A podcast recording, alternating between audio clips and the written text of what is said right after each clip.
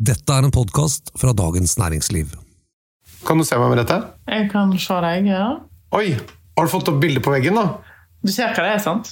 Fortell, da. Du, det er vinmarken eh, Latache i Burgund, med hesten til eh, DRC, Romane Conti. Romane Conti, som heter eh, Mickey Mus. Og så er det da en mann som går bak og pløyer vinmarkene. Det var jo helt utrolig fett. Du må begynne å selge som poster, det bildet der. Ja. Hei, kjære lytter, og velkommen nok en gang til Jeg kan ingenting om vin. Og hei til deg, Merete Bø, DNs vinanmelder og vinskribent. Hei, hei. I dag så tenkte jeg at vi skulle snakke om en situasjon som jeg tror mange kan kjenne seg igjen i. Nemlig når man er på restaurant, og kelneren eller sommelieren heller i litt vin i glasset, og så skal du smake på vinen og godkjenne vinen. Det tror jeg mange syns er litt ubehagelig. Ja, og noen syns nok dette er nå dette er mitt eh, Nå skal jeg skinne. Dette, nå skal jeg vise hva jeg kan. Ja, jeg tror Det deler seg veldig i to. De aller aller fleste syns det er ubehagelig, og så er det en liten gruppe som tenker dette er mitt øyeblikk. Ja, altså jeg har jo jobba på noen restauranter opp igjennom, eh, og blant annet på Bagatell, som, der vi hadde en del som var i den sistnevnte kategorien. Som tenkte at nå, jenta mi, skal du få se her hvordan dette funker. Men det, det skal sies at eh, det er ikke nødvendigvis heller at eh, det er kunnskapen som gjør at de har den selvtilliten heller. Nei, nei, nei, stort sett ikke. Alder har mye å si her. Dessverre tror jeg kjønn har litt å si òg. Det var bra du sa det. Ja, men der, der plasserer jeg meg dessverre sånn gruppemessig, så, så er jeg i den feile gruppen her. Du er nok da. Det, det virker som også en del tror, er at de skal smake om vinen er god, om de liker den eller ikke. Ja. Men det er jo ikke derfor de får smake på den. Nei, altså, jeg har fått høre jeg vet ikke, sikkert flere hundre ganger at det- Nei, nei, jeg trenger ikke smake på den, jeg har smakt den før. Eh, ok, og da skal du trå varsomt, for da skal du da eh, eh, Du skal ikke trakke på da, Hvis jeg da bli litt vel frekk der, da, så sier jeg sånn Ja, men det er ikke der du skal, du skal kjenne til feil. Så blir jo Kanskje du sitter på date, ikke sant? og så, så føler du deg kjempeteit når jeg sier det. Altså, du må jo trå litt varsomt, da. Du kan rett og slett ødelegge et fremtidig langt og godt ekteskap du, på det, i det øyeblikket der. Ja. Hvis, hvis, hvis vedkommende kommer feil ut av hoppkanten der sånn, på første daten, altså det, det kan være fatalt, det. Ja, nei, så, du, så du må trø forsiktig. Eh, og så eh, Men så vil, jeg vil jo jeg si også at eh, hvis du går på en bra restaurant, eller uansett til alle vinkelnere som hører på, så skal egentlig vinkelneren ha smakt på vinen først. Fordi at eh, Jeg ville aldri tillatt at eh, mine gjester hadde fått en dårlig vin i munnen. da. For det kan jo i hvert fall ødelegge en, kanskje en hel grell eh, hvis du får en skikkelig korka vin eller oksidert vin i munnen. Så Nemlig for det som er oppdraget, er jo å finne ut av er det noe feil med vinen. Og det er det vi skal snakke om i dag. Og vi skal da eh, gå gjennom de mest klassiske feilene, og så skal vi selvfølgelig som vanlig også ha noen anbefalinger på slutten av episoden. Og da trenger du ikke å notere med penn og papir, for alle de eh, vinene som vi snakker om, de står i episodeinfoen.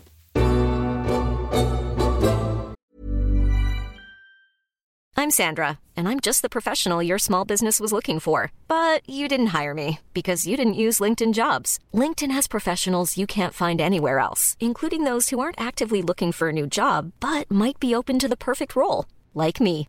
In a given month, over 70% of LinkedIn users don't visit other leading job sites. So if you're not looking on LinkedIn, you'll miss out on great candidates like Sandra. Start hiring professionals like a professional. Post your free job on linkedin.com/people today. Hva er de mest vanlige feilene som kan skje med en vin? Eh, Jeg vil si at eh, korksmak, korklukt, eh, er mm, nok den mest hyppige feilen som dukker opp. En sier, i hvert fall før skrukorken fikk såpass stor markedsandel på polet, så sa en at 10% av all vin var korka. Og det, det er en vond situasjon, også hvis du er hjemme hos noen, og verten åpner vinen, og verten er rask med selv å si hvor god vinen var.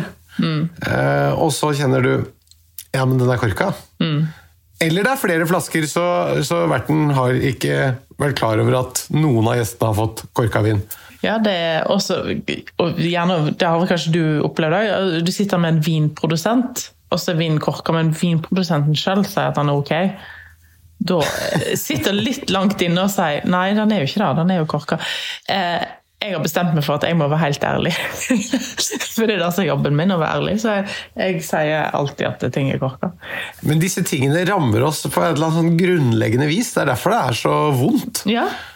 Sånn, du kjente ikke dette, hva som feiler deg, liksom. Det går på, på integriteten og på stoltheten og på vår evne til å smake og identifisere, skille godt fra dårlig. Det er noe veldig grunnleggende der som er på spill, og det, det er litt ubehagelig. Syns du det er ubehagelig å sitte og smake sånn vin på restaurant? Eh, Jeg syns det er helt greit, eh, men eh, jeg syns det er ubehagelig hvis det er noe feil med vinen. Jeg har jo opplevd det, at den har vært korka. Vært litt kork. Eh, Ikke sånn voldsomme mengder, men litt. Og jeg vet at servitøren har smakt på den først selv og eh, enten latt det passere eller ikke merket det. Eh, Og du vil jo helst ikke ha en korket vin. Sånn at, eh, men samtidig, hvis du kjøper en god vin, så vil du jo ikke sitte og drikke noe som du vet smaker kork. Ja. Så da må du jo ta det, da. Akkurat det med kork, det er vanskelig å Det er en lukt som er vanskelig å beskrive, men har du kjent den noen ganger? Har, har du liksom satt fingeren på den noen ganger for folk, så vil jeg si at de fleste gjenkjenner den. Eh, og det, det lukter litt sånn en blanding mellom mugg, eh, våt kjeller, våt papp, eh, noe sånt. Eh, og det, det er jo ikke farlig. Det smaker bare veldig vondt og, og lukter veldig vondt. Eh, men om du drikker en kork av vin, så gjør det ingenting. Eh, den lukten kan du av og til få, få det av og til på bananer som er ikke så modne. Umodne bananer kan få den korklukten. Og eh, lær og skinn og sånne ting. Og du kan få det på kiwi og eh, Altså en del frukt og grønnsaker, da, kan du ha den samme lukten. Jeg, På, på, på Kiwi og umodne bananer har jeg aldri kjent, det må jeg sjekke. Og, eh, og lime. Så du, sånn sett så kan du, hvis du putter lime i en drink, så kan du ødelegge hele drinken din. Fordi Nei, fordi at den, den korksmaken på limen da, for eksempel, setter seg i hele drinken. Eh, Du kan også få det på hvitløk. Veldig mye, syns jeg. Lukter alltid på hvert eneste fedd før jeg putter det oppi. For jeg kan ødelegge en hel saus med en korka hvitløk. Ever catch yourself eating the same flavorless dinner three days in a row? Dreaming of something better? Well, HelloFresh is your guilt-free dream come true, baby. It's me, Kiki Palmer. Let's wake up those taste buds with hot, juicy pecan-crusted chicken or garlic butter shrimp scampi. Mm. Hello Fresh. Stop dreaming of all the delicious possibilities and dig in at HelloFresh.com. Let's get this dinner party started. I'm Sandra, and I'm just the professional your small business was looking for. But you didn't hire me because you didn't use LinkedIn jobs. LinkedIn has professionals you can't find anywhere else, including those who aren't actively looking for a new job but might be open to the perfect role, like me. In a given month, over 70% of LinkedIn users don't visit other leading job sites. So if you're not looking on LinkedIn, you'll miss out on great candidates like Sandra. Start hiring professionals like a professional. Post your free job on linkedin.com/people today. Hey, it's Ryan Reynolds, and I'm here with Keith, co star of my upcoming film, If, only in theaters, May 17th. Do you want to tell people the big news? All right, I'll do it. Sign up now and you'll get unlimited for $15 a month in six months of Paramount Plus Essential Plan on us. Mintmobile.com slash switch. Upfront payment of $45 equivalent to $15 per month. Unlimited over 40 gigabytes per month. Face lower speeds. Videos at 480p. Active Mint customers by 531.24 get six months of Paramount Plus Essential Plan. Auto renews after six months. Offer ends May 31st, 2024. Separate Paramount Plus registration required. Terms and conditions apply if rated PG. Men la oss bare da kort ta hva kork er for noe. Kan ikke du bare forklare det? Det er um, en soppmikroorganisme som heter TCA og TCB, som fins i korkeiken. Og det er jo barken på korkeiken som blir brukt når du lager eh, kork. Eh, og den blir jo vaska og tørka og går gjennom mange kjemiske prosesser før du kan bruke den som en kork. Men hvis ikke den er vaska godt nok, så får du kan den sitte igjen i korken. Eh, og da setter det smak til vinen.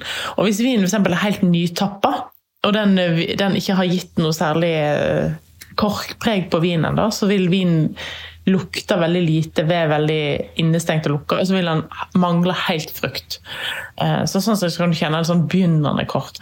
Eh, men når du åpner litt eldre vin, det er tre-fire-fem år gammel vin som har hatt en korka kork da, eh, hele tida i flaska, så vil det lukte helt Noen er jo så voldsomme at du hvis du åpner en vin med korkfeil i et stort lokale, så kan jeg kjenne det på mange meters avstand. Ja, og når jeg var gravid for noen år siden, så kunne jeg kjenne Da kunne du gå inn i en stor hall. Hvis det var ei korka flaske, så klarte jeg å plukke den ut. Det var helt, det var helt ekstremt. Du fikk liksom superevne når det gjaldt lukte. Men du hadde ikke noe kork-craving? Nei, nei, nei, jeg har aldri hatt cravings. Og det skal også sies at det skal jo helt enormt lite til for å ødelegge vin. Altså Det skal veldig lite av disse mikroorganismene til i vinen. Er det ikke noe sånn En bitte liten dråpe i et svært svømmebasseng vil ødelegge hele vinen? Mm. Eh, og det er ingenting med korkbiter i vin å gjøre, som veldig mange tror og har trodd, og kommer fortsatt til å tro. eh, korkbiter i vinen kan skje, og det gjør ingenting. Det er bare til å plukke ut. Men dere som hører på denne podkasten, dere tror ikke fortsatt det? Nei, nå har Nei, nå. Men er det ikke noe sånn at det også kan få kork i fra fatene? Jo, altså jeg har opplevd korka bag-in-box f.eks., og da er det litt verre. Jeg har opplevd korka vin som har skrukork, og, og forklarer det da til og til polet eller til en bartender eller til en servitør ikke alltid like lett. Så sier du kan ha disse TCA og TCB kan finnes i eikefatene, det kan finnes i slangene i utstyret i vineriet. Sånn at du kan få kork selv, selv om det er sjelden, men du kan få det. Så mikroorganismene TCA og TCB, det er vanligst å finne i barken som, på korktrærne som korken er laget av, men det kan også finnes i fatene, og dermed også finnes i vin med skrukork eller i bag-in-box-viner. Mm. Neste feil i vin er at den er oksidert. Ja, det er lettere å ta enn kork, vil jeg påstå. På en hvitvin som er oksidert, så vil den bli brunere på farge. Det, er det samme som et eple. ikke sant? Du, biter en bit av et eple, lar det ligge litt, så blir det brunt. Det samme skjer med en hvitvin. uansett så vil det skje på et eller annet tidspunkt. Etter, enten det har gått tre år eller det har gått 30 år, så vil den bli brunere og brunere. En rødvin eh, vil òg bli brunere og brunere, men vil ikke, du vil ikke se det på samme måte, og det er lettere å få en hvitvin som er oksidert, enn en rødvin som er oksidert. Det skjer ikke så fort med en rødvin. Hvorfor ikke det? Nei, for den har mer eh, beskyttelse, da, i form av garvesyre og sånn. Tanniner? Tanniner, og tanniner, ja. Som gjør at den eh, holder seg bedre. Så, og, og, bare for å repetere det. Tanninen er jo det som sitter i skallet og i stenen på druene og i stilken. Og, mm. og, og, disse tingene de er gjerne ofte med i rødvinsproduksjonen, men de fjernes fortere i hvitvin. så, Men det er også da ting som gir beskyttelse til vinen. Mm. Og eh, måten du kjenner dette på, hvis, ikke, hvis, du er usikker når du ser på fargen Hvis du syns den ser litt mørk ut, så lukter du på den, han lukter råtne eple, da er han oksidert. Og på, og på rødvinen? Eh, du får den råtne lukten av kanskje ikke sånn eple, akkurat, men du vil få en sånn, kanskje litt sånn følelse av mugne røde eple, men òg litt sånn um, Hvis du lar plommene ligge litt lenger, de blir litt sånn brune og soggy. Den, den lukten der. Jeg som er vokst opp med sånn eplekjeller, eller sånne, gamle, sånne eplekasser som ble stående over vinteren, altså den lukten der er den lukten du får av en vin som er oksidert. Nettopp. Så det er, det er, for dere som har uh, hatt eplekasser uh, i kjelleren, og for dere som har uh, vokst opp i, med bymøblene. Gå bort og lukt på det stillebene som moren eller faren din har satt ut og latt stå litt lenge. Ja. ja. Stilleben av frukt, det, det, lukter brunt. Vi har snakket om det før. Jeg syns det lukter brunt. Mm. Ja. Men så det vi må kunne si er at Det at en vin oksiderer, det er jo en del av modningen også. Det er jo en gradvis oksidering som skjer når vinen modnes også. sånn at dette er jo eh, litt sånn eh, grensetilfeller ofte, og dermed litt vanskelig. Når det er fullstendig fravær av frisk, fersk frukt, ja. da kan man konkludere. Ja. Og en, en siste ting angående oksidering, det er rødviner som er oksidert. Jeg opplever jo litt at en del av de som liker gamle bordeauxer eller gamle baroloer For meg smaker en del av de såpass brunt at jeg tenker at dette, her er festen over. Det er ikke noe fersk frukt igjen, og, og dermed er det oksidert. Ja. Du får jo litt uh, buljong Men det, nå snakker du jo om viner som er 30-40 år gamle. Eh, Som oftest, ikke nødvendigvis, men som oftest, ja. eh, og eh, da får de litt sånn buljongaktig preg på seg. Jeg tenker, Hvis du liker buljong, så drikker du buljong, ikke vin. Eh, og det er ikke sånn, det er ikke nødvendigvis så godt, nei. Men det er sånn du kan forvente når vin er blitt såpass gammel. Da. Og hvis en er så heldig å gå på en restaurant eller, ja, som har et såpass godt vinkast at du kan velge og vrake mellom vin som er 30-40-50 år gamle, eh, så er jo òg stort sett vinkelneren klar over dette her. At eh, dette er et parti, eller dette er vin som kanskje kan bli over the top. Da. Og da um, det, kan det bli en, ofte en diskusjon. Og kanskje eh, kunden er nødt til å ta litt av risikoen sjøl. Men eh, det kommer litt an på pris og sånt, selvfølgelig også. Men eh, jeg har vært med og åpna 100 år gamle viner over det på restaurant, og det er jo alltid nervepirrende både for gjest og for, for deg som vinkelner. For du veit jo aldri hvordan vinen er etter 100 år. Da er, legger vi 10 000 kroner i potten og spiller vin eller buljong. Neste feilen som jeg tenkte vi kunne snakke om, er varme. Ja, altså Den er nok eh, hyppigere hjemme hos folk enn på restaurant, i Norge i hvert fall. For stort sett de fleste restauranter i Norge har vært ganske gode på å lagre vin. Kjølig. Vi, har, vi er jo begunstiget med et kaldt klima, så sånn sett så er ikke like lett å fucke det opp her som i, i sørligere deler av Europa. Sånn. Men vin skal jo ikke ha særlig varme. Når du f.eks. handler vin i butikker i Europa, eh, og du ser at vinetiketten er litt sånn falma eller har stått lenge i utstillingsvinduet, så da kan du holde deg godt unna. Men her hjemme i Norge, da, så har jo jeg opplevd ganske ofte at folk kommer med den gjeve vinen de har hatt på peishylla i noen år, eh, når du kommer på besøk. Og da er det ofte en selsom opplevelse av rimelig kokt frukt. Eh, når vi vokste opp da, på 70-80-tallet, sånn, så var det liksom vanlig med sånn der eh, hylle ved siden av peisen som du varmer vinen i. Eh, Det var vanlig med sånn kjøkkeninnredning som hadde sånne eh, vinhyller. Ofte ved siden av ventilatoren, da opp på kjøkkenet, der det var varmest og mest fett og mest vibrasjon. Altså Alt er feil med dette her. Eh, Og så ble det sånne smijernsracks i stova som folk hadde vinen sin i. Eh, Og dette her er bare gjør at vin blir varmeskada. Men var det ikke også noen som hadde sånne hull i selve muren i peisen? Jo. At du kunne legge Riojaen inni der for å få den opp i 26 grader, så den var ordentlig varm og god når du skulle drikke den. Som en, nesten som en toddy. Ja, jeg skulle til å si det. Toddy. Helt forferdelig. Eh, Så ting har jo endret seg litt, heldigvis, men det er jo noen viner der som har, har fått den behandlingen der, og da skjer det noe som heter madeirisering av vinen. eh, Der de blir varmebehandla og lukter og smaker litt sånn madeiraaktig. Litt sånn eh, varm, brent vin som har litt sånn syltetøyaktig preg. Eh, og da mener jeg ikke ferskt rørt jordbærsyltetøy, men litt sånn gammelt, eh, helkokt eh, plommesyltetøy. Så, eh, og det er jo ikke eh, gunstig på noen måte for en vin som ikke skal smake sånn. Og grunnen til at det heter madeirisering Det er jo fordi at det var sånn de gjorde gjør det på Madeira. Madeira er jo øy i Atlanterhavet som eh, var siste stopp for alle disse oppdagelsesferdene på 14-, 15-, 1600-tallet, når de skulle ut fra gjerne Portugal og Spania. Og så tok de med seg fat med vin derifra på skipene. ikke sant? Og så lå de der og rulla oppå dekk, gjerne i solsteiken. Eh, og da skjønte de at her skjedde det en eh, Det var med å bevare vin. Altså vin ble på en måte ødelagt, men det smakte godt.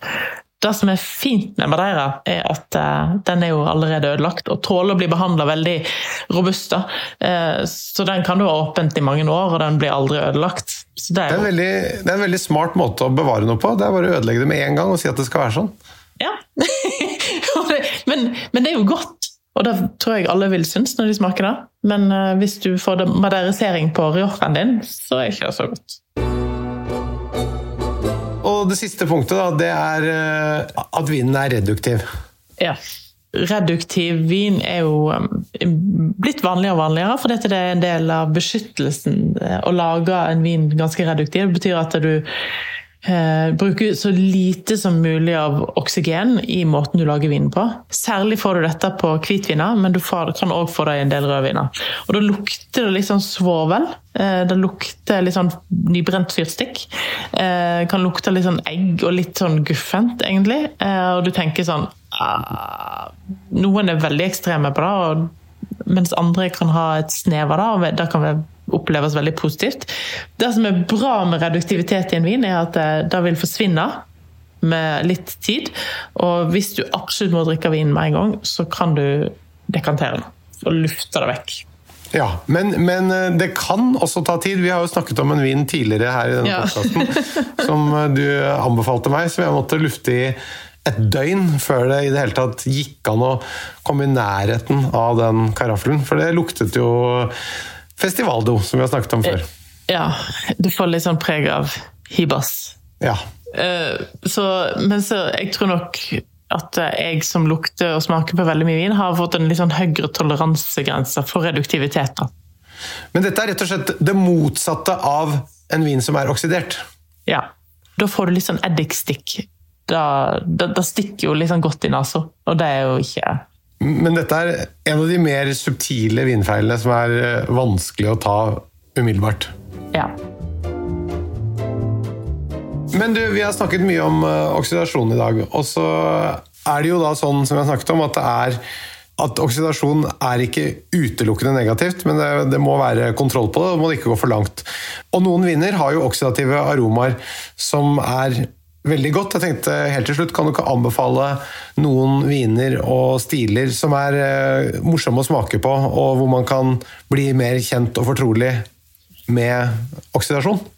Det mest kjente oksiderte vinen er kanskje sherry, eh, men den er jo kontrollert oksidert, for å si det sånn. Eh, Der fatet har stått eh, åpent, og så med tilgang på oksygen, og så danner det seg en sopp på toppen av fatet som heter flor. Eh, Og eh, hvis ikke det gjør det det hender jo at fat, noen av fatene ikke får flor på toppen. Da blir den på en måte kassert. Da, da er ikke det, det er ikke det sherry. Mange tenker sherry, det er ikke noe for meg. Prøv tørr sherry til soppsuppe eller til eh, Vi har snakket om det til rakfisk. Eller til tapas. Ikke sant? Altså, tørr sherry, det må man prøve hvis man ikke har gjort det. og er litt... eh, Hvis man er ett gram nysgjerrig og interessert i vin, man må prøve litt sherry. Ja. Veldig mye godt på polet, annet fra produsenter som Lustau, Gonzales Bayas, eh, som kommer med masse gamle sherryer nå. Ja, det er flere å velge mellom, så her er det mye godt. Og så har du en kul fransk vin som er laga litt på samme måte eh, som sherry, som heter Jaune fra Jura. Eh, og dette er jo en sånn spesiell sak som eh, jeg nesten kvir meg litt for å anmelde hver gang. for det det er en så fantastisk vin, men de fleste som kjøper den, ender ofte opp med å returnere den til polet fordi at de mener at det her er noe galt. Så Venchon er jo liksom for viderekomne, ikke sant. Det er da en vin laget på druen Savagnin fra Jura.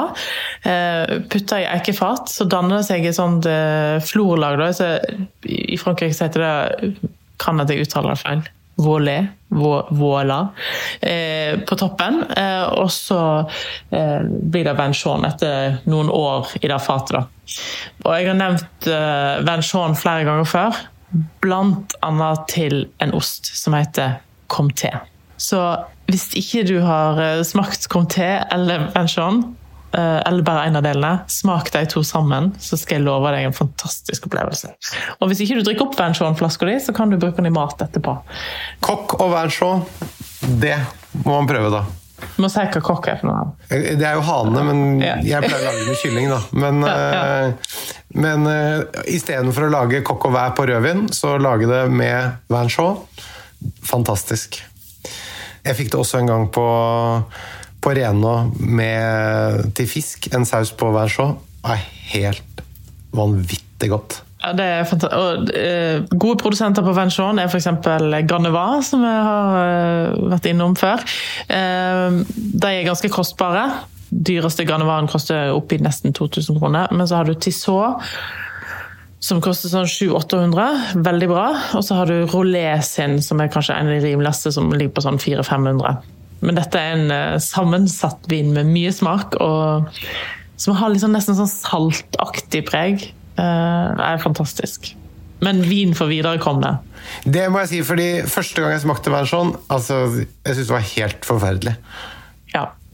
Da, jeg husker når vi hadde sherrysmaking på når jeg tok vinkelneren i år 2000. og da husker jeg hadde veldig lite erfaring med sherry, så det var helt forferdelig. Men, dette, men, da lærer du deg til å, å like. Det er som med oliven og nyrer og lever ja. og hva det måtte være. Og så er det jo kult å, kult å prøve Madeira òg. Det er masse god Madeira på polet, bl.a. for produsenter som Blandis, Barbeito, Olivieras og uh, Gossart Gordon, som, og den eldste Tipp el, hvor gammel den eldste er som du finner på polet nå, Madeiraen. Skal vi gjette 50-tallet? Nei, mye eldre. Det fins en fra 1901, og så fins det 1927. Altså, tenk, tenk, at bare, det, det, koster masse penger, mange tusenlapper, eh, men dette her er en vin du kan ha Du kan ta deg et glass i flere år framover eh, av den vinen. Eh, og eh, tenk å drikke en vin fra 1901, liksom. Dette er høykvalitetsvin, men den har også den det som mange hygger seg med med bag-in-boksen, nemlig at uh, du kan du bør ikke drikke opp alt med en gang, du kan gå smånippe litt etter hvert. Og det kan du med denne òg. Mm, absolutt. Men du, det betyr altså at oksidasjon i vin det er litt komplisert, fordi det, noen viner skal du ikke ha det, og noen viner så skal du ha det. Mm. Så det er litt som press i buksa. Det er fint på smokingbukser, men veldig rart på olabukser. Ja. ok, men da har vi vært igjennom eh, de vanligste feilene i vin, og dette er det du skal smake etter neste gang kelneren kommer og serverer en smaksprøve på restaurant. Takk for i dag. Vi høres igjen om en uke. Det gjør vi. Nå skal jeg finne frem sherryen igjen. Ikke sant? Og madeiraen. Jeg fikk madeira og bananbrownies en gang. Uh. Det var ganske kult. Altså, jeg har alltid en flaske madeira stående ved siden av komfyren. Uh, av og til går det litt i kokken og litt i sausen. Oi, oi, oi.